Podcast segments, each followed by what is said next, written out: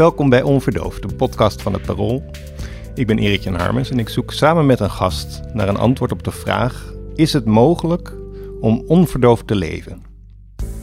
Tegenover mij zit Charlotte Bouwman. Zij leidt aan een dissociatieve stoornis. En na een wachttijd van bijna drie jaar is ze eindelijk begonnen met een behandeling tegen die dissociatieve stoornis. Charlotte, is dat, werkt dat zo? Heb je zo'n stoornis en word je daar vervolgens tegen behandeld? Uh, nou, kijk, het kan zo zijn dat je op het einde echt uh, niet meer de stoornis hebt en dat je daar ook dus naartoe werkt. Mhm. Maar je kan er ook echt bewust voor kiezen om dat niet te doen en om dus ja, met die stoornis eigenlijk te leven. Ja.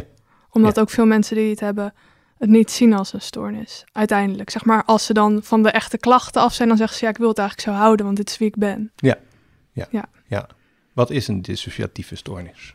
Ehm, nou, voor iedereen die het heeft is het denk ik iets anders. Maar over het algemeen ehm, is het een stoornis die eh, eigenlijk valt tussen een complexe PTSS in en Posttraumatisch stress ja, posttraumatisch stresssyndroom, maar dan complex, wat betekent dat je over langere tijd eh, trauma hebt meegemaakt en daar dus ook ja, veel complexer PTSS eh, en ook echt, dus echt wezenlijk anders dan PTSS van één gebeurtenis aan hebt overgehouden.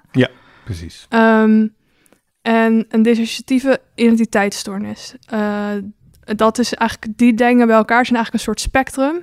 En daar hoort dissociatieve stoornis dan ook bij.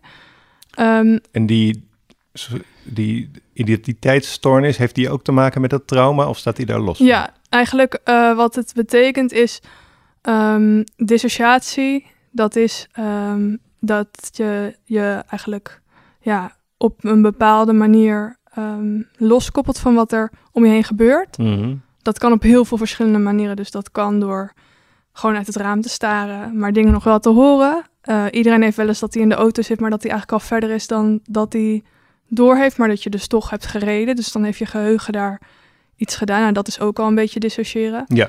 Ehm, dan heb je eigenlijk twee vormen, depersonalisatie en derealisatie. Depersonalisatie en derealisatie. Ja, bij depersonalisatie dan eh, ja, koppel je eigenlijk los van je eigen persoon. Dus dan kan dat je jezelf niet meer herkent of dat je niet meer je eigen lichaam voelt als dat van jou.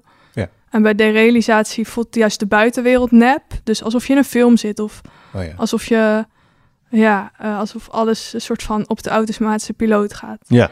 En ehm, als je een dissociatieve stoornis hebt, dan, ehm, dan doe je dat zo vaak dat het echt een stoornis wordt, dat symptoom. Want dissociëren aan zich kan bij heel veel... Ja. Dat, dat, dat hoeft ook niet per se dat je dan psychische problemen hebt als Nee. je dat doet. Nee. Ehm, en het is ook een symptoom bij heel veel andere stoornissen. Ehm, als je die stoornis hebt, kan het zijn dat je gewoon heel vaak dissocieert. Maar veel mensen met een dissociatieve stoornis hebben eigenlijk ook dat die dissociatie ook iets heeft veranderd in hun identiteit.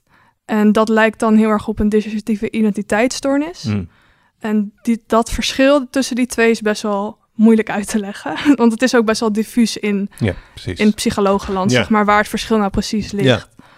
Ja. Ehm, het makkelijkst om te zeggen is dat ehm, mensen, eh, wat, wat veel mensen met dissociatieve stoornis en dissociatieve identiteitsstoornis hebben, is dat hun persoonlijkheid bestaat uit meerdere verschillende delen. Mhm. Ehm, en dat is dus eigenlijk dat ehm, het, het proces waarbij je je persoonlijkheid ontwikkelt, is verstoord door dat dissociëren.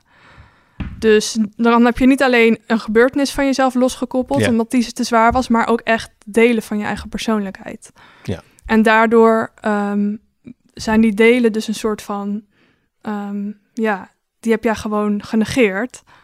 En jij bent gewoon doorgegaan om te overleven. Mm. Maar eh, dan op een gegeven moment kan je erachter komen dat die delen er wel nog zijn in jouw hoofd, zeg maar. Maar bedoel je dat concreet dat er meerdere Charlottes zijn?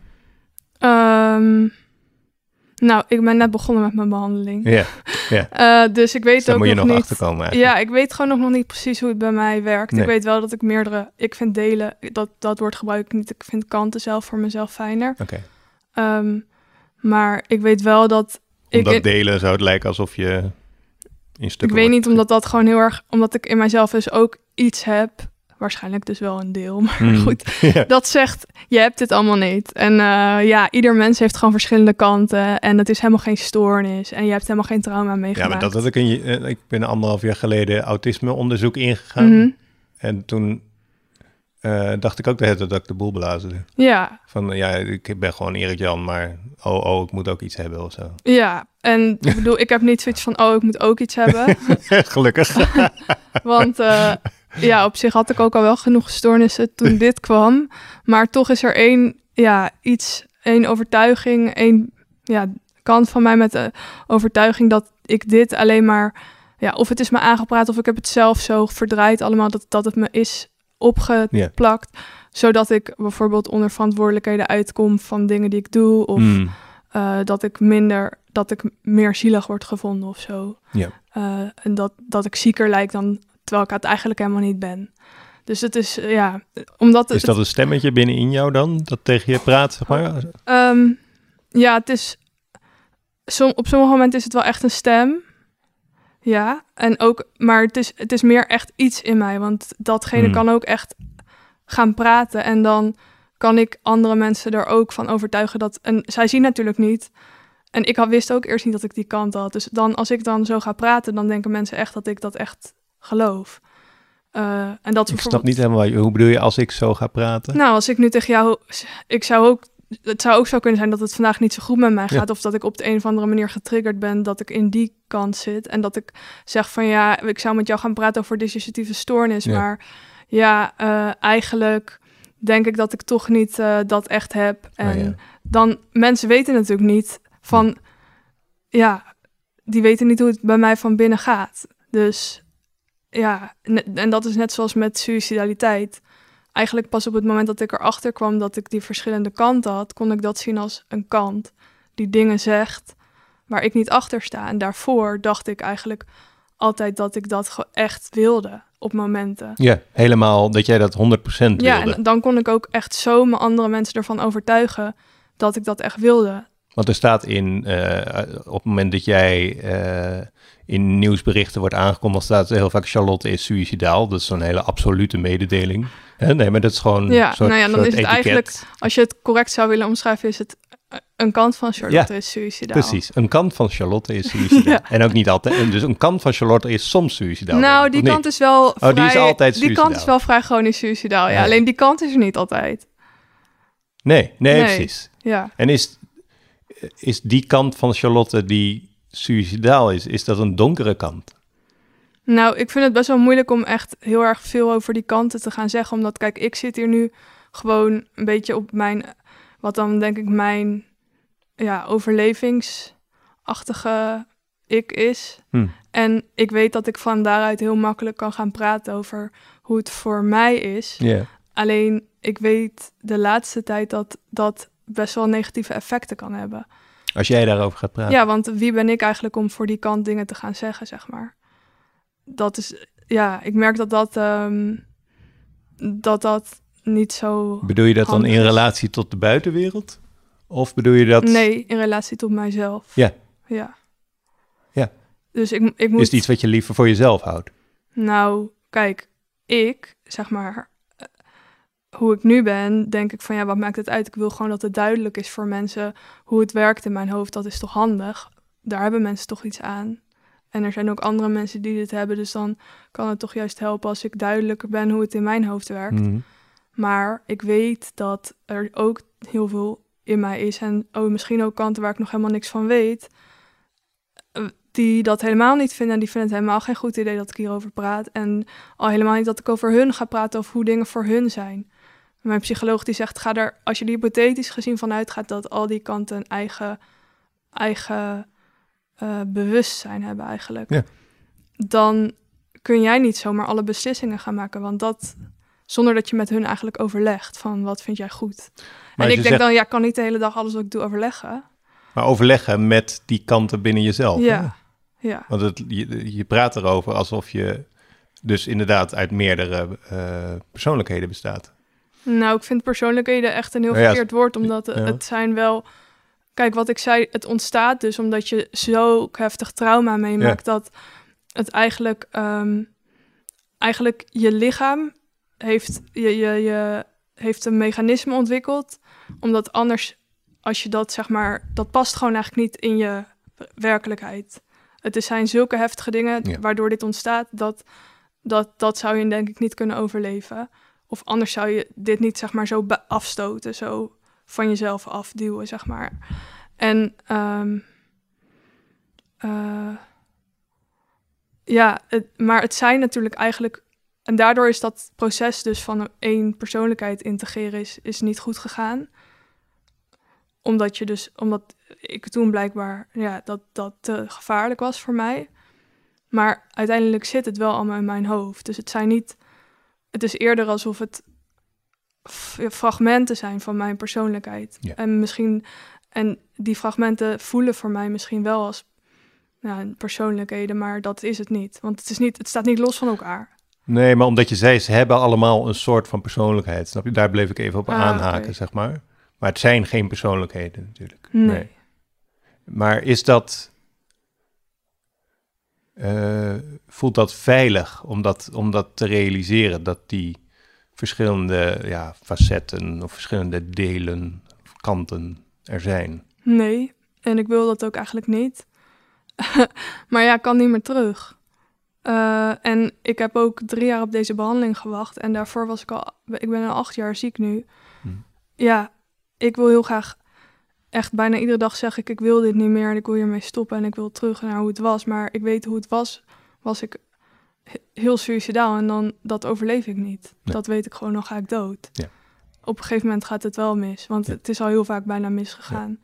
En eh, de enige reden dat ik nog leef is dat ik zo hard heb gevochten om voor een behandeling en dat mensen mij dit in de gaten hebben gehouden, dat er zoveel hulp was. Ja, als ik, ik kan niet terug. Dat wat terug was ook super onveilig. Ja.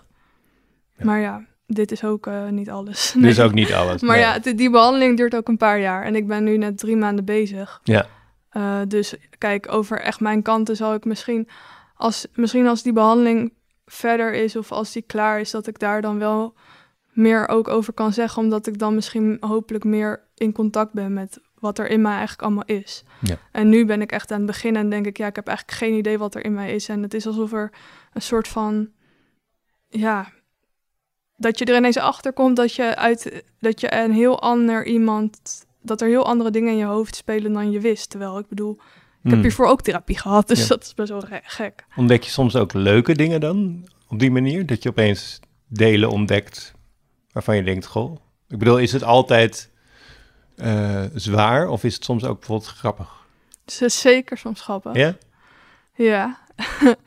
Ehm, ja, het is zeker soms grappig. Ik, ik vind het dus echt moeilijk om te veel voorbeelden te geven. Hmm. Omdat ik gewoon niet... Ik kan nu niet voorspellen... Omdat ik dus nu gewoon hier zit als mijzelf. En dan heb ik nu ook niet echt contact daarmee. En dan weet ik gewoon... Als ik dat dan nu ga zeggen en ik kom vandaag terug in de kliniek... dan kan het gewoon zijn dat ik dan weer helemaal wacko ga. En dat is gewoon al te vaak gebeurd. Nou, je moet niks doen wat, waarvan je dan vreest dat het dat effect zal hebben. Maar er zijn wel, ja, er zijn ook wel, of misschien niet, maar wel dingen dat ik denk van, ja, dit is, het, kijk, het is natuurlijk hiervoor bijvoorbeeld dan, ik kon gewoon 80 uur per week werken, alleen ik was in de nacht heel suicidaal. Mhm. En dan dacht ik gewoon, ja, hoe kan dat? Want ik heb zo'n leuke dag gehad en zo hard gewerkt, maar het is, het is gelukt. En ik voel me helemaal niet moe door het werken, maar het lijkt of het door iets anders komt, maar door wat? En nu, ik ben echt pas net bezig, dus ik weet er nog volgens mijn gevoel maar 10% van. Maar nu denk ik wel meer van, oké, ik snap het wel een beetje.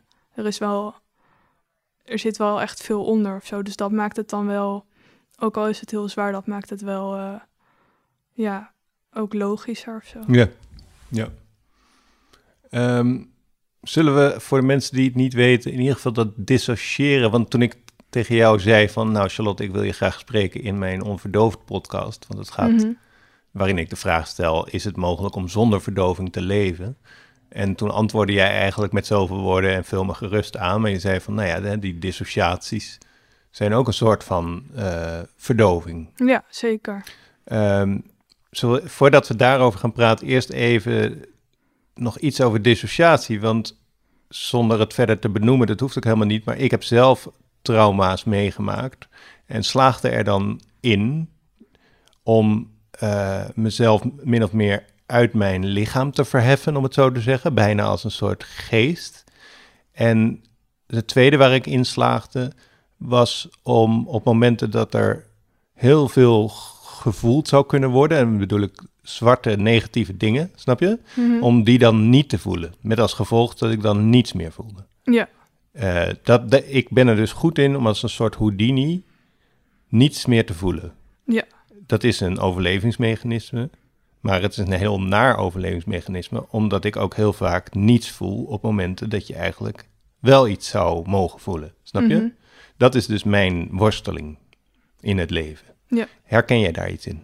Ja, zeker. En ik denk dat eh, wat je zei, dat je als er iets heel heftigs gebeurt, dat je niks meer voelt, dat herken ik heel erg. Eh, maar bij mij is het eigenlijk, dat ik dat dissociëren is bij mij gewoon helemaal doorgeslagen. Dus ik dissocieer soms gewoon de hele dag. Hm. Ehm, en dan, kijk, dan kan het zijn dat ik niks voel, maar of het kan zijn dat ik, dat ik het gevoel heb dat ik eh, inderdaad boven mezelf een beetje zweef. Mhm. Maar wat bij mij wordt het soms zo erg dat ik eh, mijn lichaam niet meer kan bewegen en dat ik gewoon uren, urenlang in bed lig en dan kan er echt allemaal verpleging bij mij komen en mij allerlei dingen bij. Maar ik ben gewoon niet meer te bereiken. Ik ben gewoon uit. Is het dan dus net zo alsof je dus uit dat lichaam bent getreden of zo? Dat dat dus een soort Ehm. lappenpop wordt of zo? Ja, ik weet niet, op die momenten sta ik dan. Ehm, het verschilt wel wat ik op dat moment zelf nog meemaak. Soms echt vrij weinig. Soms kan ik nog wel dingen horen of. ehm, ja. Zeg maar, weet ik nog wel waar ik ben, maar vaak weet ik ook niet meer waar ik ben. En ik heb de laatste tijd ook echt vaak dat ik gewoon over de afdeling loop terwijl ik niet weet waar. ik Nee? heb- Ja. en, en, en ik heb ook soms dat ik dan kijk ik dingen terug van mezelf. En dat zal ik met dit, deze podcast ook ongetwijfeld weer hebben. En dan denk ik, heb ik dat gezegd? Heb ik dit gezegd? Ja. Maar ja, dat is dan, het gaat gewoon automatisch. En het is wel voor mij iets wat mij heel erg heeft geholpen. Want het is niet zo dat die dingen die ik automatisch doe, dat die allemaal, dat, dat zijn op zich meestal wel redelijk coherente dingen. Maar eh, Ja, je, ja. je praat tot nu toe heel coherent.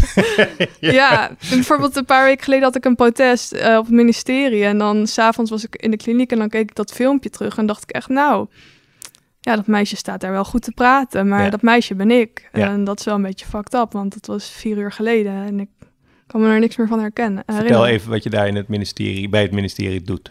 Ehm, nou, vorig jaar toen, eh, toen had ik al twee jaar gewacht op eh, de behandeling, dus voor dissociatieve stoornis. Ja.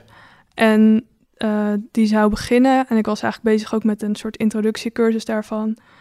En toen eigenlijk, ja, de laatste week van die introcursus zeiden ze, ja, het hele centrum gaat stoppen. En we gaan geen het behandeling... centrum van die behandeling. Ja, we gaan geen Ja, ja. behandeling meer Mhm. aanbieden op basis van structurele dissociatie. Dus eh, ja, pech. En wij eh, zijn ook niet verplicht om een andere behandeling voor jullie te Mm. vinden. Weet je wel, zoek het maar uit. Mm. En dan moest ik dus weer minimaal een jaar wachten. Ik had al twee jaar gewacht. Die twee jaar waren echt, echt verschrikkelijk. Ik was echt zoveel kwijtgeraakt. Ik bedoel, in behandeling zijn is echt heel zwaar. Ik heb het nu denk ik wel zwaarder dan toen ik moest wachten. Maar dit maakt mij niet heel suicidaal. Nou, oké, het maakt me op momenten heel suicidaal. Hmm. Maar over het algemeen, ik heb wel weer een toekomst. Ja. En toen was ik echt aan het wachten. En je weet gewoon niet van waar. Ik ben gewoon mijn leven aan het uitzitten. Ehm, en toen ik dus hoorde dat ik dat nog een jaar moest gaan doen, ja, dat was voor mij zo zwaar dat ik dacht, ik moet iets doen waardoor, ja, waar, waar soort van men niet omheen kan. Dus of was dat nou, de- of dat de politiek was of de Hmm. media, de, in ieder geval er moest iets gaan gebeuren.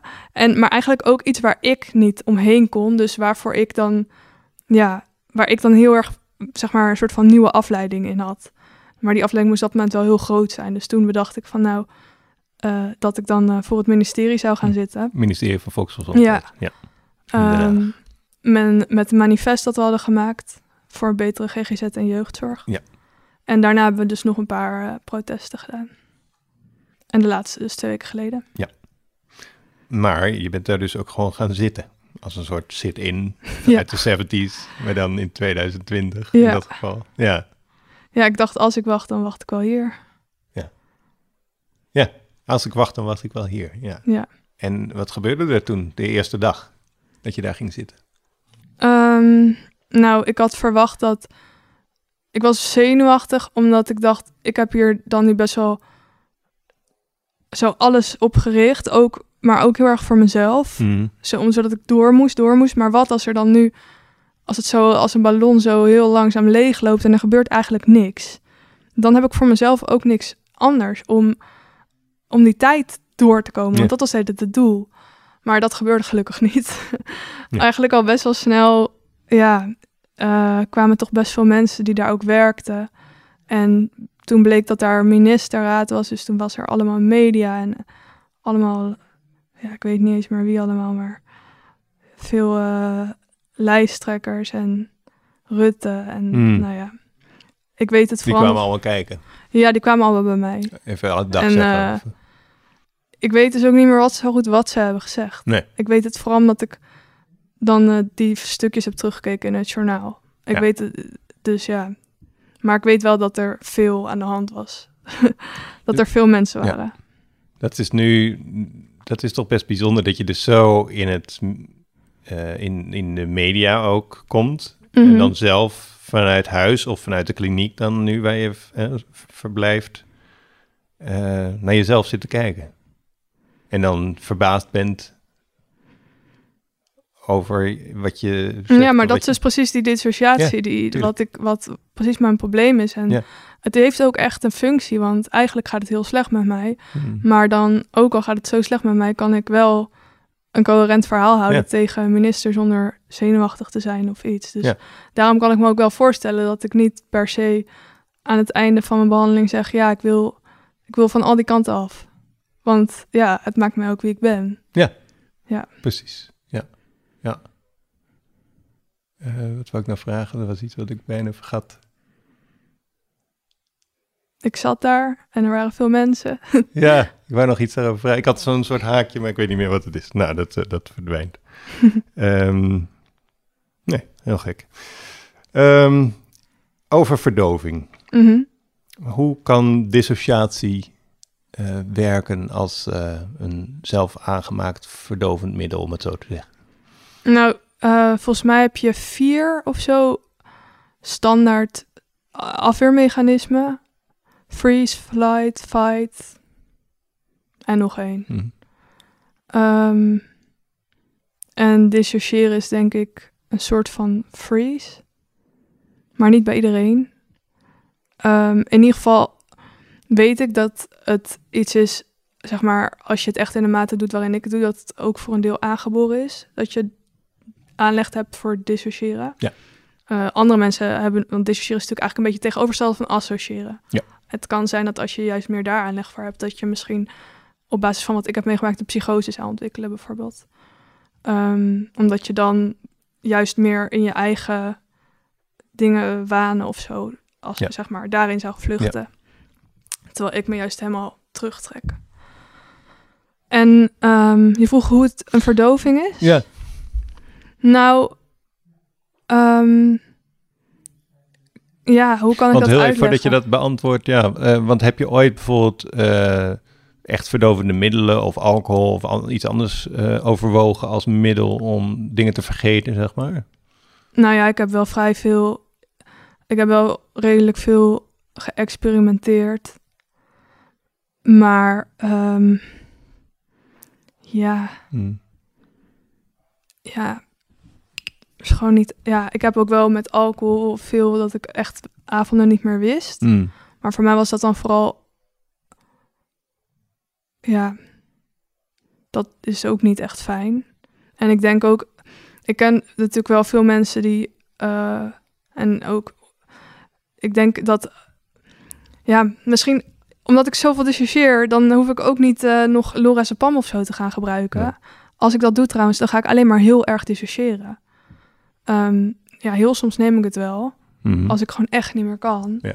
Maar ik weet gewoon, dan is het gevaar dat ik nog meer ga dissociëren en mezelf nog minder onder controle heb. Ja. Eh, ja, kijk, als ik bijvoorbeeld heel veel spanning voel, dan is dat op, het moment, op sommige momenten best wel fijn als ik dan ga dissociëren, want dan is het weg. Ja. Dus in dat opzicht is het gewoon echt verdovend. En is het dan weg of ben jij dan weg? Ja, dat gaat dan samen. Ja. Tenminste, dat ligt eraan in welke mate ik dissocieer. Want het kan ook zijn dat ik... En, dat, en in dat opzicht vind ik dus... Is voor mij ook... Veel veel mensen zeggen als het niet goed gaat... Ja, zoek afleiding. Maar dat is voor mij vaak niet een goede oplossing. Omdat ik dan eigenlijk... eh, in die afleiding... ehm, vaak toch mezelf weer afsluit voor datgene wat het probleem was. Mhm. Dus bijvoorbeeld er gebeurt iets naars. Ik heb daar, het gaat niet goed en ik vraag hulp aan een vriend of eh, een, een hulpverlener of zo. En die zeggen dan, ja, ga even iets, iets afleidends doen. Ja. Ik weet, dat kan ik gaan doen. Ja. Maar dan duw ik datgene weg en daarna komt het tien keer zo hard terug. Ehm, dus ehm, ja, ook, ook als ik er nog wel een beetje ben, dan ben ik er niet helemaal, zeg maar. Er zijn ook weinig momenten dat ik er helemaal ben, hoor. Mhm. Ja? Ja, dan, daar kom ik wel steeds meer achter. En hoe, zit dat in dit gesprek? Nou, ik weet wel zeker dat ik dit gesprek niet kan doen als ik hier helemaal aanwezig ga zijn, omdat ik dan heel. eh, nou ja, ten eerste gaat dat gewoon automatisch. Want dit, dit is een gesprek ja, met een journalist. En dan gaat er een bepaalde ja, kant van mij aan. Mhm. En dat is gewoon automatisch. En bovendien ja, voelt het denk ik voor de rest ook dan heel onveilig om dan niet het op die manier te doen. Ehm, en wil ik ook, ja, denk ik van. eh, het gaat ook juist, denk ik, om dat. Dat dit op, mij, op dit moment voor mij dat is hoe het haalbaar is. Mhm. Dus ja, Ja. waarom zou ik dan iets gaan doen wat ik overigens nog niet kan? Ik bedoel, de momenten dat ik wel meer toelaat, dat zijn momenten of met verpleging of met mijn psycholoog. Ja. Nou, dan gaat het, eh, dat is echt super heftig. En ja, dat is ook de reden dat ik al 3,5 maand ben opgenomen. Dus dat lijkt me niet zo handig als je hier eh, in een eh, studio zit, een podcast zit op te nemen. Ja, nee. Nou ja, nee, tuurlijk, dat snap ik. Alleen, ehm, ja, ik weet. Want, want kun je in dat soort, je hoeft eh, niets inhoudelijks over die sessies te vertellen verder, want dat is privé. Alleen kun je daar dan wel bij een soort gevoel. Dat is het enige wat, wat ik. ja hoor. Ja? En ik bedoel, het is ook niet zo alsof zeg maar... Het is ook niet zo alsof ik nu geen gevoel heb. Mhm. Alleen eh, wel maar één deel van wat er, alle, alles wat er in mij speelt. Ja. Ja. Ja. Maar ja, daar, daar kom ik dus nu pas langzaam achter. En dat is dus ook wel best wel een worsteling van...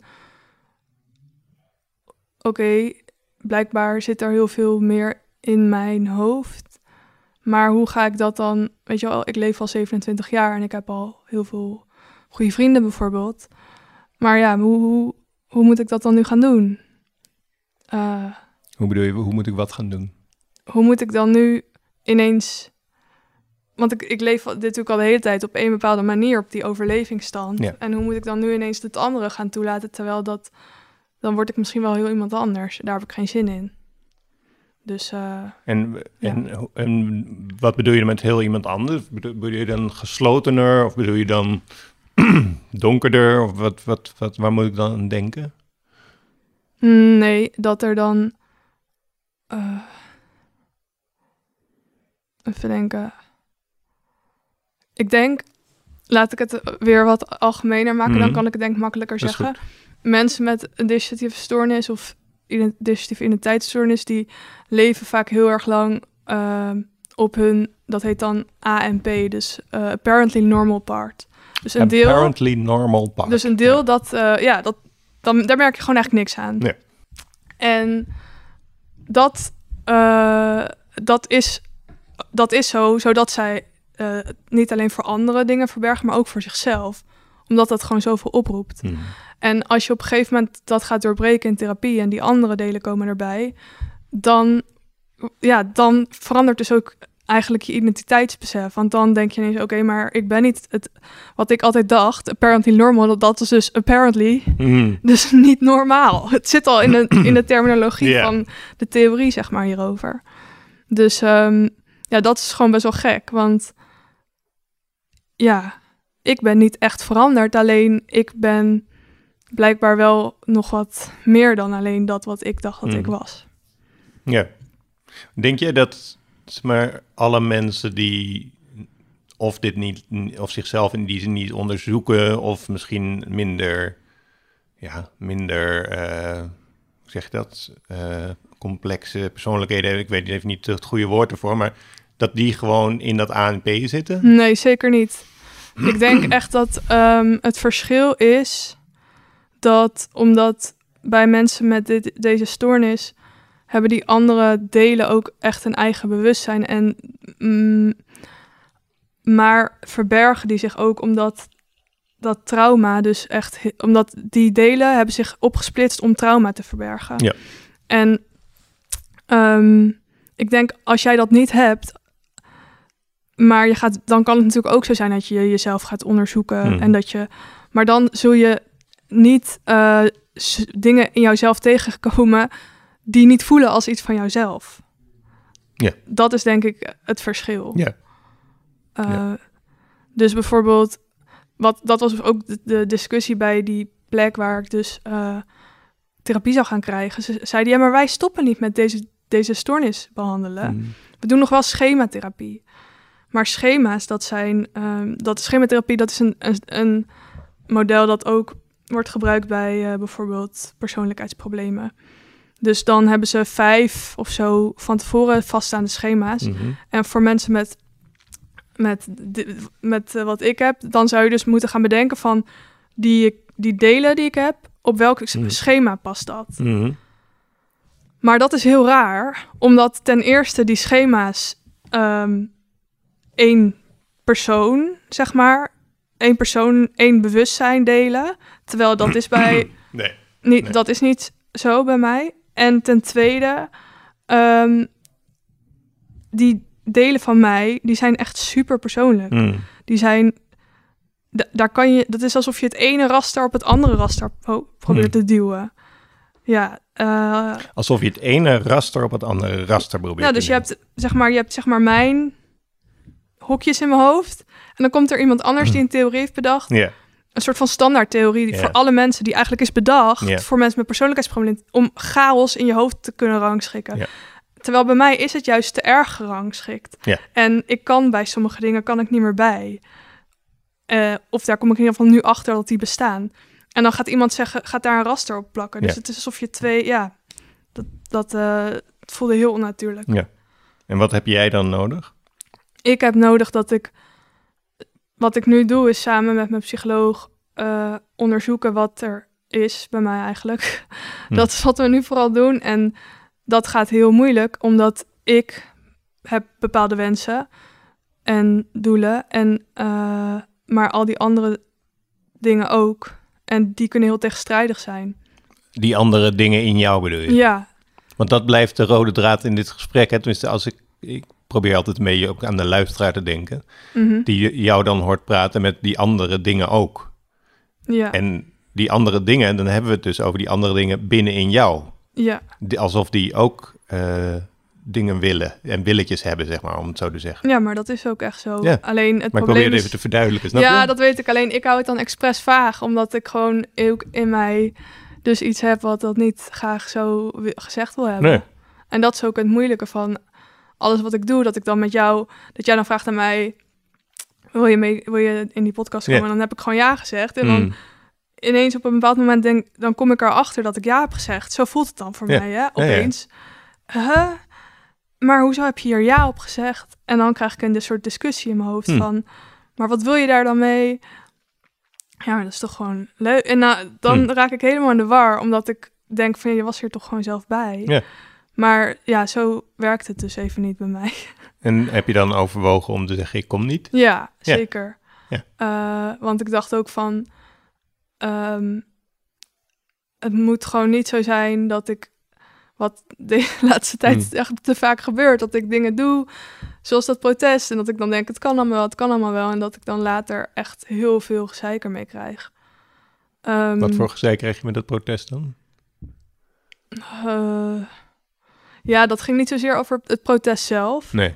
Maar dat ging meer over het feit dat ik voor dat protest een, best wel een paar dagen daar alleen maar bezig mee was geweest. En dus alleen bezig was geweest met dat, die wens in mij. Ja.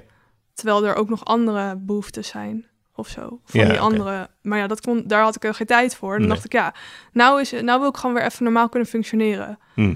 En dat kan ik dan dus wel een week, maar dan daarna ben ik, krijg, krijg ik dan Ja. ja, een soort repercussies. Maar hoe zouden we een beetje kunnen voorsorteren in dit gesprek dat je dan niet daarna denkt, oh my god, weet je wel, heb weet je wel, maar dat we gewoon praten Nou, wat ik probeer te doen is in een ik soort heb eh, comfort. zeg vorige keer, zeg maar, eh, vorige week heb ik ook in een podcast hierover gepraat. Hmm. En dat is in mijzelf, zeg maar, intern dan best wel oké gegaan. Omdat ik best wel duidelijk kon uitleggen aan de anderen in mij. Het andere wat er dan ook is, zeg maar. Ik probeer het maar een beetje te zien als... Oké, blijkbaar werkt dit model voor nu. Dus het is een hypothese. Het Hmm. hoeft niet waar te zijn. Nee. Laten we het voor nu dit aanhouden. En we kunnen altijd zeggen, het klopt niet. Ja. We gaan iets anders doen. En dat is een soort van dan compromis wat voor nu werkt. En ik merk dat als ik dingen doe, en- maar kan het goed uitleggen waarom ik het doe, dat dat helpt. Ehm, alleen dat is dus bij dit de, moeilijker. Hm. Omdat ik eh, niet goed heb nagedacht toen ik ja zei. en dat is mijn probleem. Alles gaat automatisch. Hmm. En dan later ineens... Maar ja, ik zei waarschijnlijk wel met de reden ja. Volgens mij omdat ik het belangrijk vond... Het, of misschien niet belangrijk, ik vond het thema gewoon heel interessant. Hm. En ik dacht ook van onverdoofd. Jij zei van het gaat over... eh, of het, vanuit ehm, middelengebruik vooral. Ja. En ik dacht van ja, maar er zijn zoveel meer manieren waarop mensen zichzelf verdoven. En dat is ook niet altijd negatief. In mijn geval is het denk ik eh, heel positief. Dat, nou oké, nu is het niet meer positief. Maar in mijn jeugd en zo, dat, dat, dat ik dat heb gedaan, dat heeft mij wel... Ja, dat is gewoon letterlijk een overlevingsmechanisme geweest. Mhm. Ehm, anders had ik niet gewoon zo lang gewoon normaal kunnen functioneren. Dat kon niet. Als ik, ik bedoel, er moet een reden voor zijn, Mhm. anders doet je lichaam of je hoofd dat niet. En daarom denk ik ook dat, eh, ik denk dat, dat ik daarom mee wou doen. Ja. Ja. Ja. Ja. en wat is dan het mooiste om nu eh, ehm, te noemen? Is het bijvoorbeeld mooi om dan, zoals jij zelf schreef in je, in je berichtje aan mij, je zei eh, in lichtere vorm komt dissociatie voor als dat je jezelf van een afstand ziet of het idee hebt dat de wereld om je heen nep is of een film. Dit is ook een vorm van verdoven. Ja, Je zei, ehm, eh, dissociatie ontstaat, wat je net ook vertelde, als je traumatische dingen meemaakt om je te beschermen. En in de meest extreme vorm verdoof je dus hele delen van je eigen persoonlijkheid. Ja. En dat is wel heel interessant. Ja. Omdat Interessant is sowieso. Nee, ja. sowieso. Ja, nee, maar ik wil ook dat het comfortabel voor jou is. Snap je? Ik wil gewoon geen oncomfortabel gesprek voor jou hebben. Mhm. En ik praat natuurlijk met mensen in deze podcastserie over allerlei vormen van verdoving. Dat hoeft helemaal niet te zijn met middelengebruik. En het hoeft ook helemaal niet te zijn dat mensen gestopt zijn met die verdoving. ja. Ik vind het interessant om te praten over de worsteling. en ik vind het interessant dat ik zelf al acht jaar eh, onverdoofd leef. ja. Maar eigenlijk eh, voortdurend uit het veld geslagen raakt door de ehm, enormiteit of zo van de realiteit, snap je? Ik vind de realiteit zo heftig. Mhm. Er zijn zoveel ja, prikkels. Mhm. Voortdurend zijn er verwachtingen of meningen of geluiden of, weet je wel, liefkozingen of Mhm. Duwtjes of gemene. Er zijn voortdurend is er een soort input die ik nu in zijn volheid onderga. Mhm. En dat vind ik eh, heel heftig soms om eh, te doorleven, om, om mee om te gaan. En wat ik vroeger had, eh, vroeger veel heb gedaan, is bijvoorbeeld heel veel gefantaseerd. Mhm. Echt op het ziekelijke af. Dus voortdurend, ik bedoel, ik, ik heb daarover geschreven in een boek over dat ik als 15-jarige of 16-jarige echt dacht dat ik tekstschrijver voor Madonna zou worden. Mhm. En dat ik, eh daar ging ik dan ook op papiertje zo teksten voor Madonna schrijven. En dan droomde ik dat ze die zag. En dan, weet je wel, dan ging ik er helemaal in op. Voor maar dat is toch heerlijk? Ja, het is heerlijk, maar ik werd er dus ook echt gelukkig van, zeg maar. Ja. Ik voelde echt die roem. Ik voelde ook dat Madonna op het podium stond en zei... Nou, ik, nog een special thank you to Erik Jan Harmens... Mhm. for his great eh, lyrics. Maar het is niet waar. Hmm. Ik weet niet. Ja, het is, maar dan klinkt het alsof het erg is. Nou, wat is jouw visie daarop als je dit hoort? Dan denk ik, als het jou gelukkig maakte, dan zie ik daar echt helemaal niks verkeerds in. Tenzij je daar iemand anders bij mee deed of jij zelf belachelijk mee maakte. Hmm. Dus tegen andere mensen zei, ik ben Madonna's tekstschrijver. Ja, dat zei ik niet, omdat ik wel genoeg realiteitsbesef had dat ik wist dat het een Dat fantasie het, was. Ja, nou ja, als, als je dat nog hebt, dan denk ik dat het dus een, een manier is. Eigenlijk dus inderdaad... eh, ja, wat ik ook zei, heel, een heel associatieve manier eigenlijk. Mhm. Om jezelf misschien uit de realiteit te halen. Ja. En ik denk dat dat juist heel mooi is. Ik, dit soort dingen moet ik dus juist nu aanleren. Eh, dat ik, ja, daar moet je bij mij niet helemaal bij aankomen. Want ze beginnen dan natuurlijk altijd zo met van die, je bent in een bos en er staat een mooie boom. Dus dan word ik altijd meteen denk ik, oh god, rot op met je gezeig. Kleur op met die boom. Ja, Hmm. maar nu heb ik wel een Maar maak die eens af. Je bent in een, gewoon even dat we het helemaal snappen. Van, je bent in een bos. Ik heb het maar half gelezen, toen ben ik al afgehaakt. Nee, ik ben gewoon benieuwd. Je bent in een bos. Ja, weet ik veel. Het van, er stond van de, de oefening met de boom. En dat je gewoon... De boom staat diep in de grond en die heeft allemaal takken. Ja, ik weet het niet. Gewoon van die verveel, verbeeldingsoefeningen waardoor je... ehm, ja, wat... Als het... Ik denk als... In ieder geval waarvoor ik het nu inzet. Want ik heb dan wel nu iets wat ik fantaseer wat er is, wat mij helpt als ik te veel last heb van herbelevingen. Ehm, ja, ik vind het wel mooi dat, dat dat nu soms lukt. En je bedoelt dan, als je een herbeleving hebt Mhm. eh, van een nare gebeurtenis, dat je dan bijvoorbeeld een bos in kan. Toch? Ja. Nee, ik noem maar even wat. Ja. Het is niet Zeg gekscherend maar- bedoeld, maar gewoon even als voorbeeld. Ja, van, ja. Dan kan je dus een bos inlopen en een boom en de takken echt zien en Ja. de bladeren zien. En in dat opzicht denk ik, wat is er mis mee als jij dat jij dat, dat, dat dacht en daar goed je beter door voelde? Ja, ik zie daar Ja. gewoon echt helemaal. Ik kan me eigenlijk niks voorstellen wat er slecht aan is. Nou, slecht ben ik helemaal met je eens. Mhm. Ik zie er ook niks slechts in. Maar het ging hier om een... eh, een eh, Of was je gewoon helemaal niet meer in de realiteit, omdat je alleen maar bezig was met dit soort. Ja, nou ja, omdat de realiteit dus heel eh, naar was. Dus ja, had- precies. maar ja, dan is het toch heel goed dat, dat jouw hoofd dit bedacht. Op zich wel, Ja. maar het nadeel vind ik, of het gevaar, mhm. dat je dan het onderscheid niet meer zo goed kan maken tussen realiteit en fantasie. En dan heb ik het over mezelf, niet over Mhm. jou. Ik, ik heb gewoon best moeite gehad om dat onderscheid steeds te maken. Ja. ik had echt al het idee dat ik behoorlijk was doorgebroken als artiest voordat ik, voordat ik überhaupt begon met eh, schrijven en publiceren. En weet je, voordat ik aan mijn daadwerkelijke carrière begon, was ik al wereldberoemd. Met als gevolg dat als ik nu bijvoorbeeld, weet ik veel, in, eh, in Vredeburg moet optreden in Utrecht, dan, dan zegt iedereen, zo in Vredeburg, voor mij is het eigenlijk niks, want ik heb al in Madison Square Garden gestaan, snap je? Alleen niet in het echt. ja, ik weet niet. Ik vind dat gewoon wel een goede instelling. ja. Dat is toch prima? Ja, nou ja, maar misschien- mijn tegenwerping is gewoon ter discussie, om Ja. aan jou om daar iets over te zeggen. Mijn tegenwerping is, ja, maar het is niet waar. Dus als je dus heel alleen bent en je fantaseert dat je niet alleen bent, Mhm.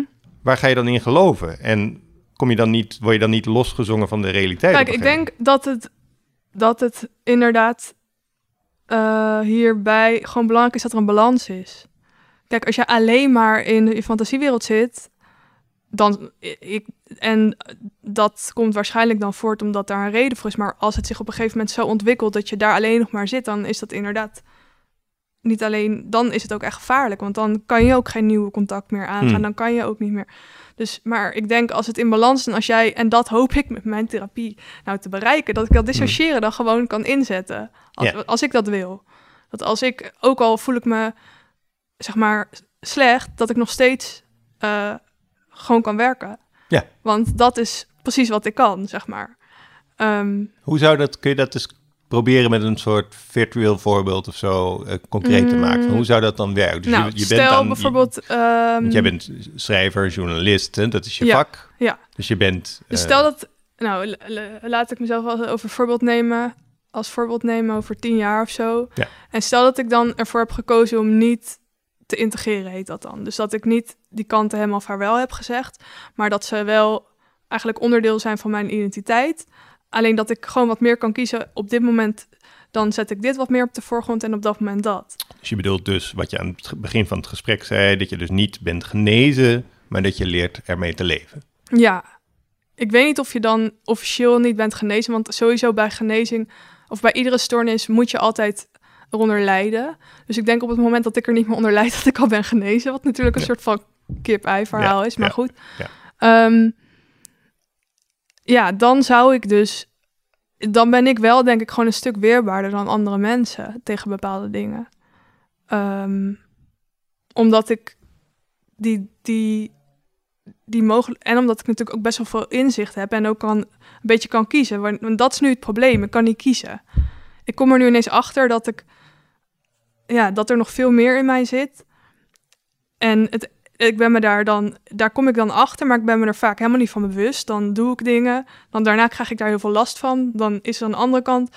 Die gaat helemaal uit zijn plaat. Maar dat zit in mij. Dus ik ga dan helemaal uit mijn plaat.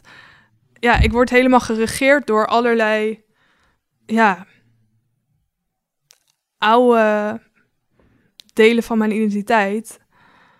En, eh, en vooral door dat dissociëren en dan vooral en al helemaal natuurlijk door die suicidaliteit, want dat is gewoon, ja, als je zo suicidaal bent als ik, dan als je daar niks aan doet, dan ja, Ja. Op, een gegeven moment was ik gewoon alleen maar 24/7 suicidaal. En, eh, ik denk dat de mensen om mij heen en zo allemaal dachten, ja, wanneer, ja, binnen nu en een paar maanden is het klaar. Ja. Dus, ehm, ja. En ehm, is dat ook onderdeel van je behandeling op dit moment, die suicidaliteit? Eh, ja, jawel. Alles is op dit moment onderdeel van mijn behandeling, ja. Want Ja. hoop je daarvan ja, te genezen? Hoop je dat je... Nou, ik denk wel dat ik altijd gevoelig zal zijn voor die suicidaliteit. Omdat dat zit gewoon al heel lang in mij. En dat kan me ook niet voorstellen dat dat voor altijd weggaat. Maar het zou wel fijn zijn als ik niet meer... Sowieso als ik het... Ik kan het nu al meer voor zijn. Dus dat ik het... Als, als ik die neiging, zeg maar, voel dat ik het kan aangeven... in plaats van... Vroeger nam die neiging mij helemaal over. En dan werd ik... Werd ik dus inderdaad suicidaal. Ja. Maar nu voel ik dan dat het, eerst, dat het eerst iets is in mij. En dan kan ik nog zeggen, ik wil nu dit, maar eigenlijk wil ik het niet. Precies, precies. Eh, dus ik hoop dat er dan een moment komt dat ik... Dat zeg je wel heel mooi. Ik wil nu dit, maar eigenlijk wil ik het niet. Ja, twee keer een Maar ik. dat is de hele tijd wat er in mij is. Ik zeg ook constant in therapie en tegen mensen ook hele tegenstelde dingen. Hetzelfde Ja. dingen. Dus ik wil niet in deze podcast zitten, maar ik doe toch mee. Ja. Zeg maar dat. Ja, Ja. Ik wil niet over mijn kanten praten, maar af en toe zeg ik er wel Ja. iets over. Ja. ja, dat is gewoon echt. Het is de hele tijd een soort balanceren tussen eh, ja, de verschillende dingen in mij. En vind je dat dan ook nog stom? Heb je daar dan ook dus nog een oordeel over? Want dan wordt het helemaal Ja, druk. er is ook is dat, er- het oordelende, Ja. het oordelende in mij is denk ik het allersterkst. En ook dat maakt, dat maakt denk ik ook dat het eh, zo zwaar is. Ik Ja. denk als dat minder wordt, dan, dus dat zegt ze ook dit, het compassie Ja. naar alles in je. Ja. ik denk als ik dat wat meer onder de knie heb, dat ik dan al een stuk verder ben. Ja. Ja. Maar ja, eh, als je ineens gewoon dingen in jezelf denkt of voelt of doet zelfs waar je niet achter staat, ja, ga dan maar eens niet oordelen. Dat vind ik, ik snap nog steeds niet hoe dat moet. Nee, maar volgens mij kun je gewoon proberen niet te oordelen. Snap je? Dat is al wat milder. Dan zit je niet oordelen. Ja, ook weer zo'n, Dat zal ook wel weer. ook weer zo'n dogma. Ja. Ook weer zo. eh. Maar nog een hele rare vraag, dus je mag hem ook gewoon laten gaan, maar het, het komt zo in me op. Kun je op het moment dat je suicidaal bent, kun je daar dan van dissociëren? Dus Je bedoelt dat ik dat niet weet? nou ja, of dat je daar uit, uit ontsnapt, zeg maar. Oh. Snap je wat ik bedoel? Ehm, nou, dat ligt er denk ik aan. Nee, dat kan denk ik niet. Nee, want suicidaliteit is één hele sterke kant. Dus als die kant er al is, dan.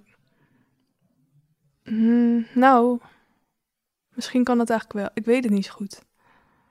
Ik denk dat bijvoorbeeld wat, wat vaak toen ik nog toen ik eh, vlak voor deze therapie was ik natuurlijk gewoon thuis, was ik Ja. nog niet opgenomen. En toen heb ik echt avonden dat het slecht ging en dat ik voelde dat ik suicidaal werd. En dan belde ik de crisisdienst. Het gaat heel slecht. Dan zeiden zij, ja, we zetten je op de lijst. Het kan even duren. En dan belden zij twee of drie uur later terug. Hmm. En heel vaak heb ik die twee of drie uur gewoon gedissocieerd. Ja. Dus ik denk dat het in dat opzicht wel kan. Want als ik die twee of drie uur was gaan zitten en, Ja. en die suicidale gedachten door had laten gaan, dan was het misgegaan. Ja, dus ik denk precies. dat het in dat opzicht wel kan. Maar ja, Ja. leuk is anders. Leuk is dan, nee, natuurlijk. Maar je kan het dus in die zin ook. Ik kan er niet helemaal uit, maar ik kan Nee. wel een soort van, ja, ja, mezelf uitzetten dan. Precies. Ja, niet altijd. Nee. nee. Ehm, maar we zouden even nu een voorbeeld dus noemen van een dissociatie die werkt als een verdoving. Want dat vind Ja. ik interessant. Ja. Nou, ik had dus bijvoorbeeld laatst dat ik een gesprek zou hebben met de arts.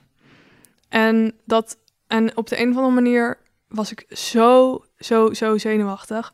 En toen zou het gesprek dan pas om drie uur 's middags zijn, terwijl het was tien uur 's ochtends. Zo. En het voelde echt van, ik ga dat gewoon niet halen. Hm. Ik ga alles hier in elkaar timmeren. Het gaat gewoon niet. En terwijl, ja, ik weet niet waarom. Het, daar later moest ik daar ook heel erg om lachen. Het is gewoon super overdreven. Maar Hmm. blijkbaar waren er, was er zoveel in mij dat ik dat. En toen heb, ben ik gewoon naar mijn kamer gegaan en ben ik op mijn bed gaan liggen en werd ik wakker gemaakt uit die dissociatie toen, ik, toen de arts kwam. Ja. En dat gebeurt best wel vaak. En in dat opzicht is dissociëren dan vaak ook fijner dan wat eronder ligt. Want dat zijn vaak, Hoe bedoel je wat eronder ligt? nou ja, dus die, dat zijn vaak dingen van die kanten waar ik nog niet mee om kan gaan. Ja. En dit is min of meer een soort. Dat zit eraan vastgeplakt, waardoor het, eh, waardoor het eh, behapbaar blijft. Ja, het is wel, het is wel vrij automatisch hoor. Ja, nee, natuurlijk. Maar dat gaat dan automatisch, maar dat is wat er min of meer gebeurt. Ja. Ja. En, want je bent in behandeling voor, een, eh, voor die stoornis, maar ben je dan ook in behandeling voor dat onderliggende, als je begrijpt wat ik bedoel? Ja, alleen maar. Het Dus gaat alleen maar over die. eh, Ja. Over die onderliggende dingen. Ja. En die techniek die je hebt, dus dat dissociëren, dat is een overlevingsmechanisme wat je hebt Mhm. ontwikkeld. Die heb je dan niet meer nodig op het moment dat je dat onderliggende hebt aangepakt. Heb ik het zo een beetje goed in de smiezen? Ik denk het. Je snapt me wel, hè, wat ik bedoel. Ja, ik Ja. snap het wel. Alleen ik denk ook dat het heel erg mm, heel veel met elkaar te maken heeft. Vaak loopt een dissociatie ook over in, zeg maar, eh, in dat een kant juist weer iets meer de overhand krijgt. Of, dus het, het ligt heel dicht bij elkaar, denk ik. Hmm. Ehm, dus eh, ja. Goed, kijk, ik denk dat ik altijd wel.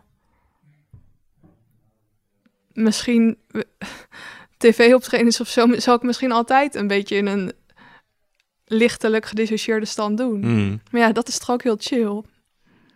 Als je niet zenuwachtig bent, als je met een presentator of zo aan het Ja. praten bent. Want dat ben je dan niet. Maar ja, soms wel, soms niet. Ja. Maar als ik dat niet ben, is dat echt super. Hm. Net, want we hadden net dat voorbeeld dus van dissociatie als, eh, bij wij- als verdoving. Mhm. En toen zei je dus, hè, dat gesprek met die arts, eh, het gevoel 's ochtends van ik ga dit niet redden. En dan eigenlijk een soort slaap. Ja, bij mij is het echt, dat is wel echt een hele heftige vorm van dissociatie, dat ik echt gewoon niet meer bereikbaar ben. Ja. Hoe gaat dat dan? Want, want je voelt dan die stress van, eh, of spanning van die arts. Ik kan me ook niet meer precies herinneren. Ga je dan actief naar je bed toe? Volgens mij wel. Ja, ja. Volgens mij wel. En dan verander je in maar een... soms, blijf, soms is het ook als ik ergens zit en dan gebeurt dat. Maar dat is natuurlijk heel onprettig. Want dan, ja, na een kwartier of een half uur valt het wel op dat jij zo als zo'n zombie in een stoel zit. En dan gaan mensen je proberen weg te halen. Dus liever als ik dat voel, dan ga ik naar mijn kamer. Ja, precies. Ja, ja. En dus dat lukt je dan ook om, om dan zeg maar, ehm, nou, om daar dus, je weet daar dus ook vaak niks meer van dat je dat hebt gedaan. Je wordt wakker gemaakt en dan ja, dat weer. is bij mij maar, zeg maar die heftigste vorm. Maar ik weet ook echt wel, bijvoorbeeld in gesprekken doe ik best wel vaak, als ik als het iets te dichtbij komt, dat ik dan eh, de soort ondertiteling ga maken in mijn hoofd. Wat natuurlijk ook een beetje, een beetje meer afstand nemen is. Mhm. Want dan ben ik eigenlijk niet meer helemaal bezig met wat ik zeg of wat de ander zegt, maar dan met die woorden zien voor me. Een ondertiteling maken. Ja. Dus ik praat bijvoorbeeld nu tegen je en je ziet nu mijn woorden als Ja. ondertiteling onder mijn hoofd. Ja, ik weet dat dat iets is wat ik vaak doe. Ja. Maar ja, zo ook wel eens dat je gewoon... Nou, ik denk dat iedereen dat wel eens heeft. Dat je achter jou ligt, staan nu allemaal, eh hoe heet die dingen? Geeltjes, Post-its. post-its, ja. Dat je ondertussen gewoon een beetje daarop aan het lezen bent. Ja. Ja, ik weet niet. Een soort van een beetje je hoofd aan het afleiden soms. Ja. Ja, Maar ik vond het mooie met die, met die zeg maar, die, die, die nou ja, zo'n soort tijdelijke comatueuze stand die je Ja. net beschreef. Dat is wel echt een verdoving ja, die ik ken van een liter cognac. Snap je? ja, Een liter cognac. Dan krijg je ook, dan ga je ook in foetushouding op een matrasje liggen, want je hebt heel veel alcohol in hele korte tijd naar binnen gewerkt, waardoor een soort man met de hamer komt en, en dan ben je uitgeschakeld. Jij kan het zonder die liter cognac. ja, maar het kost wel heel veel energie. Als ik daaruit, als ik daaruit kom, dan ben ik echt super moe. Het kost heel veel energie Kun je blijkbaar. verklaren waarom dat zoveel energie kost? Ik denk je omdat het je heel- doet natuurlijk niks op dat moment eigenlijk, toch? Nou, ik denk dat je juist heel veel doet, want je blokkeert alles. Dus ik denk dat dat gewoon heel veel energie kost. En mijn lichaam is ook heel erg aangespannen. Oh ja. Dus ik denk dat het dat is. Ja. Ik denk dat het juist best wel veel energie kost als er zoveel is. Want ik bedoel, daarvoor was ik zo in paniek. Niet alleen angst, maar ook... Ja, ik kan niet eens meer omschrijven. Hm. En daarna voel, je, voel ik niks meer. Dus dan moet er op de een of andere manier een hele grote soort van muur in mij gebouwd Ja. zijn. Ik denk dat dat best veel energie kost.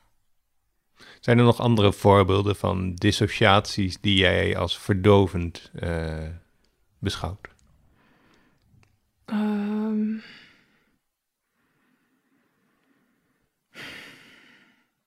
Ja, ik beschouw eigenlijk iedere vorm van dissociatie wel als een vorm van verdoving. Alleen soms is het dus gewoon best wel licht. En. mm,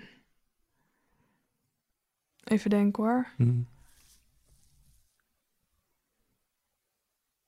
Ja, ik weet niet zo goed een voorbeeld. Want je zoekt denk ik naar een voorbeeld dat veel lijkt op Nee, het Een is andere. niet meer dat het niet dat het lijkt op iets concreets, maar gewoon dat het verdovend is. En verdoven is voor mij eigenlijk het, het veelvoud aan gevoelens eh, eh, terugbrengen. Ah, oké, maar dan denk ik dat wij een andere, andere definitie hebben van verdoven. Wat, wat Want beschouw jij als met verdoven? verdoven bedoel ik gewoon alles wat ervoor maakt dat je, eh, dat je gewone ehm, bewustzijn niet meer, dat je niet meer helemaal in het hier en nu bent.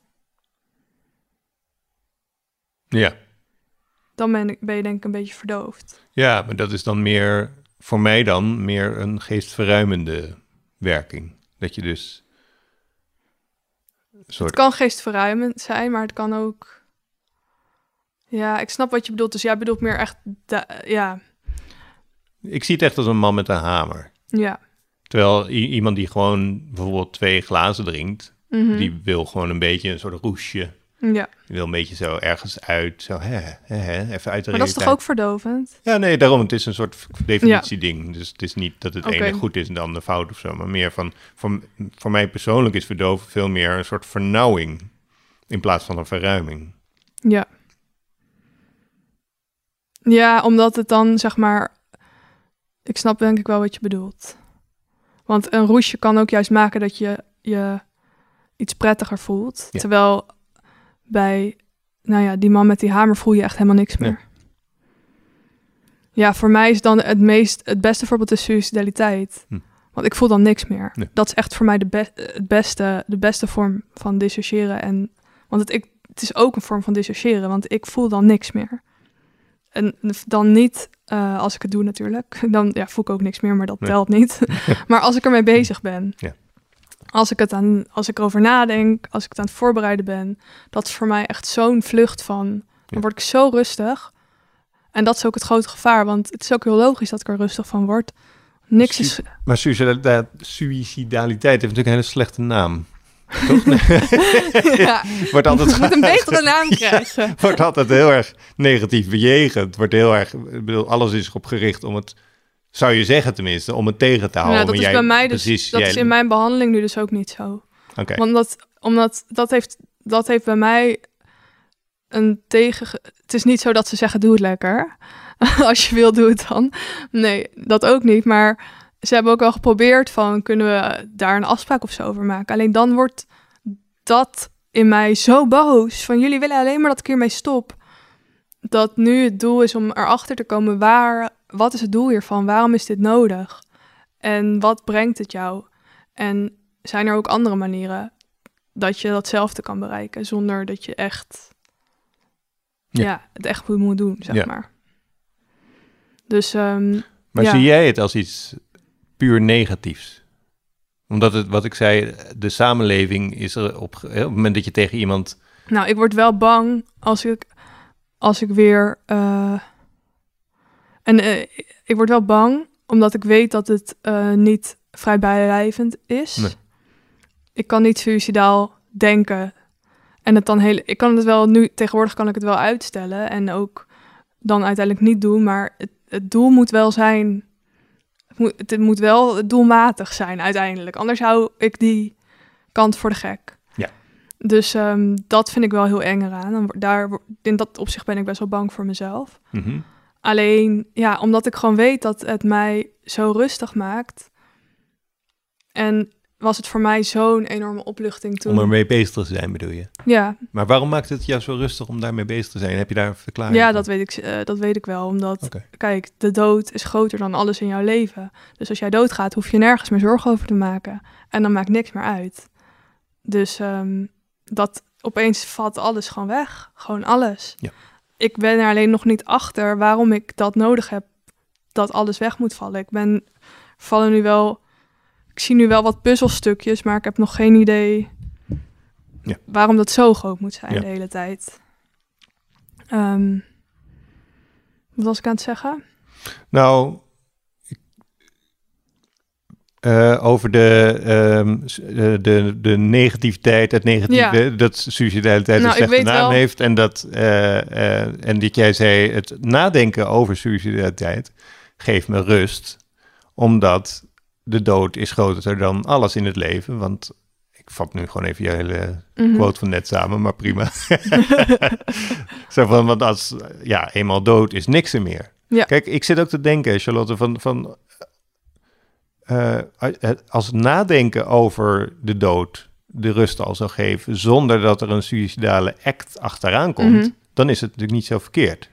Nee, maar dat kan niet, want dan wordt de- die kant boos. Want Ja, precies. het moet wel dus... Dus die is heel schrander eigenlijk, die suicidale kant, in die zin. Die, Ja. is, die is goed die- bij de pinken, die is goed aan het Zeker. opletten. Ja. Ja, Als je zeker. die beduvelt, wordt die boos. Ja, dat is ook gewoon te vaak gebeurd. Eh, die is gewoon te vaak beduveld. Door jou. Nee, ja, ja. Door mij, maar ook door de hulpverlening. Ja. Want een opname werkt en dan gaat die kant ook een soort van, voelt hij zich, denk ik, geholpen. Maar er is te vaak gezegd, morgen, als je vandaag, eh, als vandaag geen poging, want morgen word je opgenomen. Vandaag geen poging, want morgen word je opgenomen. En dat dan wekenlang. Ja, dus die gelooft het nu niet meer. Want? Hoezo gelooft hij dat niet meer? Ja, omdat ze, ze proberen van alles om jou ervan af te praten. Ja. Maar helpen gaan ze niet. Hm. Waar die dan precies hulp mee van Maar, wil. want wil hij geholpen worden, die kant, in jou? Ik weet het niet precies. Nee.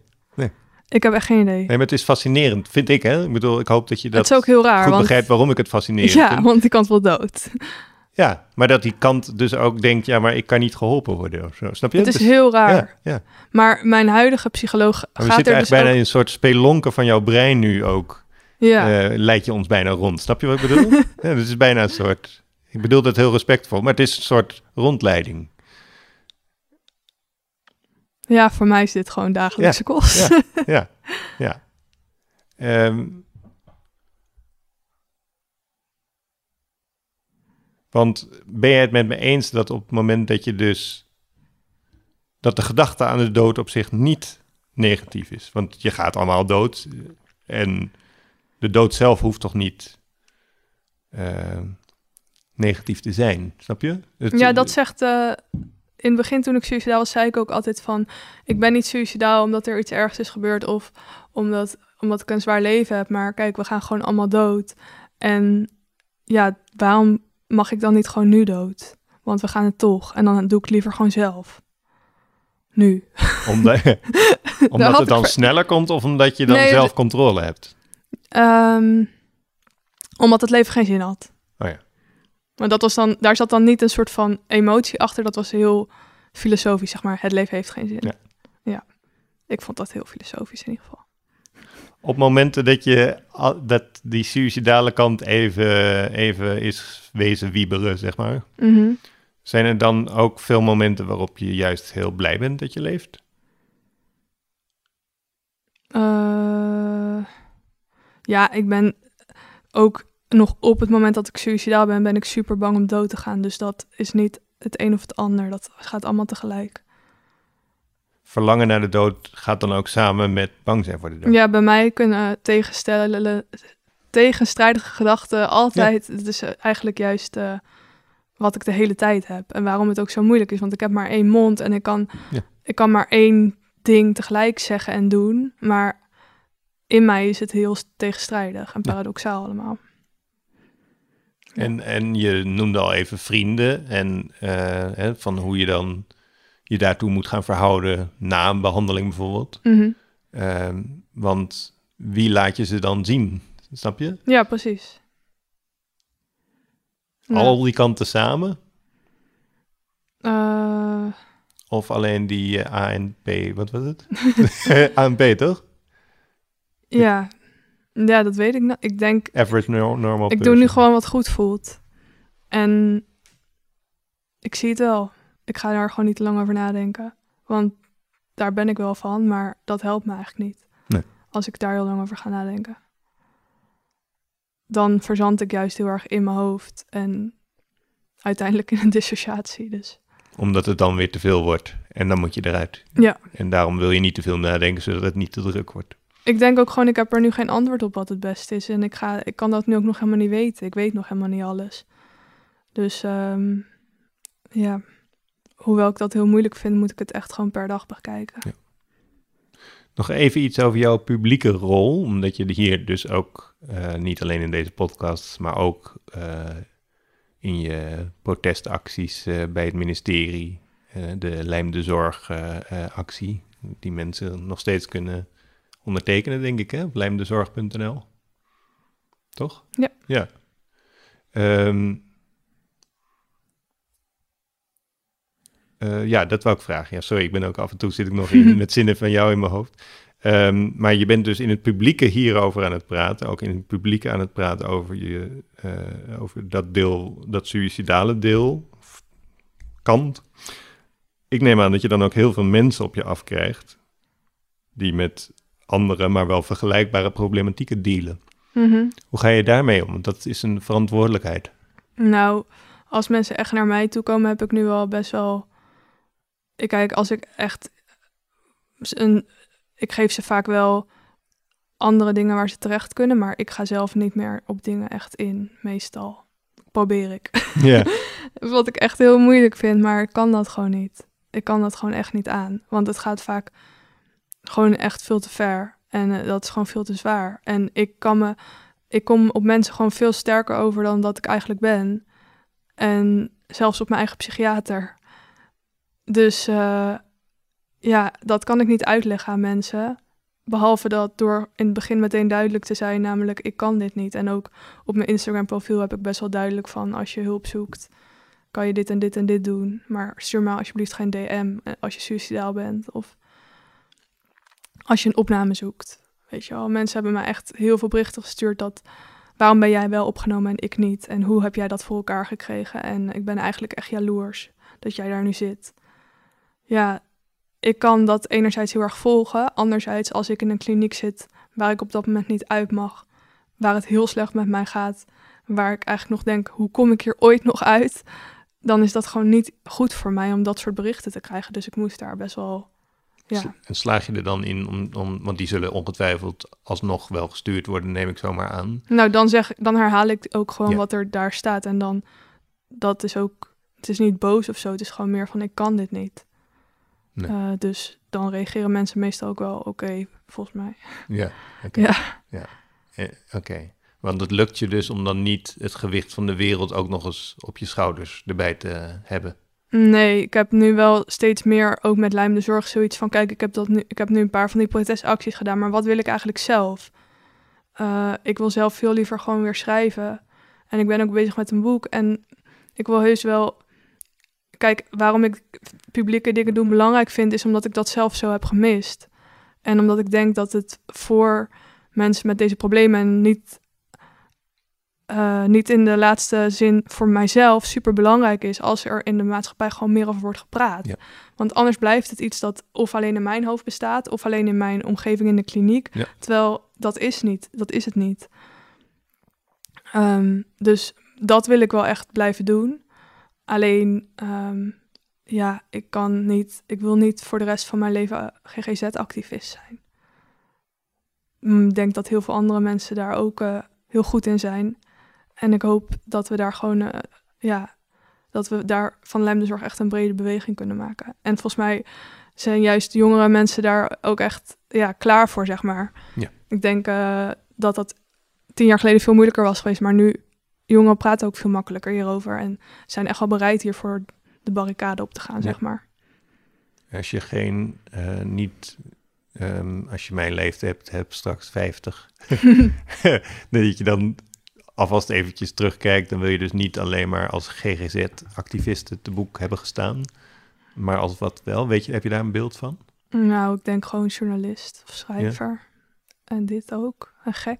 Ja, zo Gek, zie ik ja. mezelf nu ook. Op je website staat het al, Ja. 27 jaar gek. Maar Ja. is dat een grapje? Ja, eh, ja en nee. Ja, nee. Gaat je boek hier ook over? Ja, mijn boek gaat ook hierover. Wa- En wordt dat heel persoonlijk of meer eh, universeel? Of, um, Mm, denk persoonlijk essayistisch. oh ja. Ben je al ver? Ver. Eh, nou, als je de hele tijd alles weer helemaal omgooit, dan ben je nooit ver. Nee, dan kom je nooit ver. Nee. Maar heb je een planning van wanneer je wil dat het uitkomt? Ik heb nu ook even... Ja, kijk, ik... Wanneer was ik echt begonnen? Dat is nu al anderhalf jaar geleden, Hmm. dat ik echt het contract tekende. Toen begon ineens die therapie, toen ging ineens niet door. Toen ging ik demonstreren en toen kwam corona. Ja. Dus het is nogal een chaos geweest wat dat betreft. Ja. Want dat heeft natuurlijk ook echt heel veel... En nu is mijn eigen behandeling begonnen, maar nu merk ik wel dat ik eh, voor het eerst ook duidelijker in mezelf kan zeggen... eh, ik wil aan mijn boek werken, maar ik, ik kan er nu gewoon niet altijd Nee. aan werken. En ehm, ja, ik wil dat het afkomt, maar ik ga niet zeggen het moet binnen een half jaar af. Want dat hoeft helemaal niet. Nee. Dus in dat opzicht ben ik nu daar wel wat relaxter in. Ja. Ehm, ik zie het wel. Ja. Maar ook weer niet. Ik ben, ik bedoel, ik ben wel aan het samenwerken met meerdere mensen hiermee. En die helpen me wel goed eh, om Ja. daar gewoon korte termijn doelen voor te bepalen. Ik denk dat dat voor mij het beste werkt. En slotvraag, ehm, want kom jij corona dan ook nog een beetje door? Of heeft dat op jou een versterkt effect gehad? Ja, het heeft wel. eh, het is voor mij heel moeilijk omdat ik ehm, dus best wel moeilijk contact maak met de wereld om mij heen.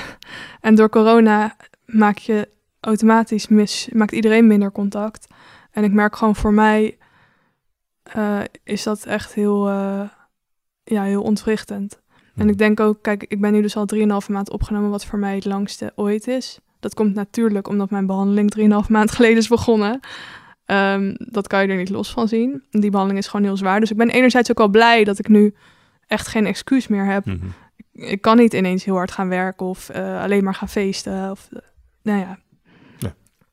Heel hard kan, gaan werken had nog wel gekund. Dat heb ik trouwens ook nog wel geprobeerd. Maar Ja, toch afgezegd. Ja. Maar ehm, ik merk wel dat het... Ja, de- het lijkt wel of de hele samenleving stilstaat of zo. En dat is voor mij echt niet goed. Nee, dat, dat, dat maakt het de warboel in mijn hoofd nog veel ingewikkelder. Dus ja, ik hoop wel echt dat het eh, ooit ten einde komt. Hopelijk dit jaar nog. Want ik kan nu ook moeilijk inschatten... Ja, wat is van mij en wat is van buiten, zeg maar. Maar omdat die samenleving een beetje op slot zit en iedereen, in mijn beleving tenminste, ook een beetje apathisch wordt, zeg maar. Weet je wel? Ja, en dan denk ik van, maar en, en omdat ik dus gewoon echt, ik heb me nog nooit zo ziek gevoeld als nu. En dan is het heel moeilijk om te bedenken van wat ligt er nou bij mij en wat ligt er nou bij deze situatie, zeg maar. Ehm, het is voor mij echt belangrijk dat ik mijn vrienden blijf zien en Ja. dat eh, en ik, ik probeer ze ook echt wel te zien nog, maar dat kan natuurlijk gewoon minder door corona. Ja. Dus eh, ja, dat is het voornaamste en ook Ehm, normaal had ik een vaste plek waar ik werkte aan mijn boek. Nou, en dat soort dingen kunnen gewoon echt bijna niet meer door corona. Mm. Als, ik, als ik alleen ben, dat is gewoon niet goed voor mij. Dus eh, ja, we gaan het zien. Ja, ja, ja. Dankjewel. Yes, bedankt. Ja.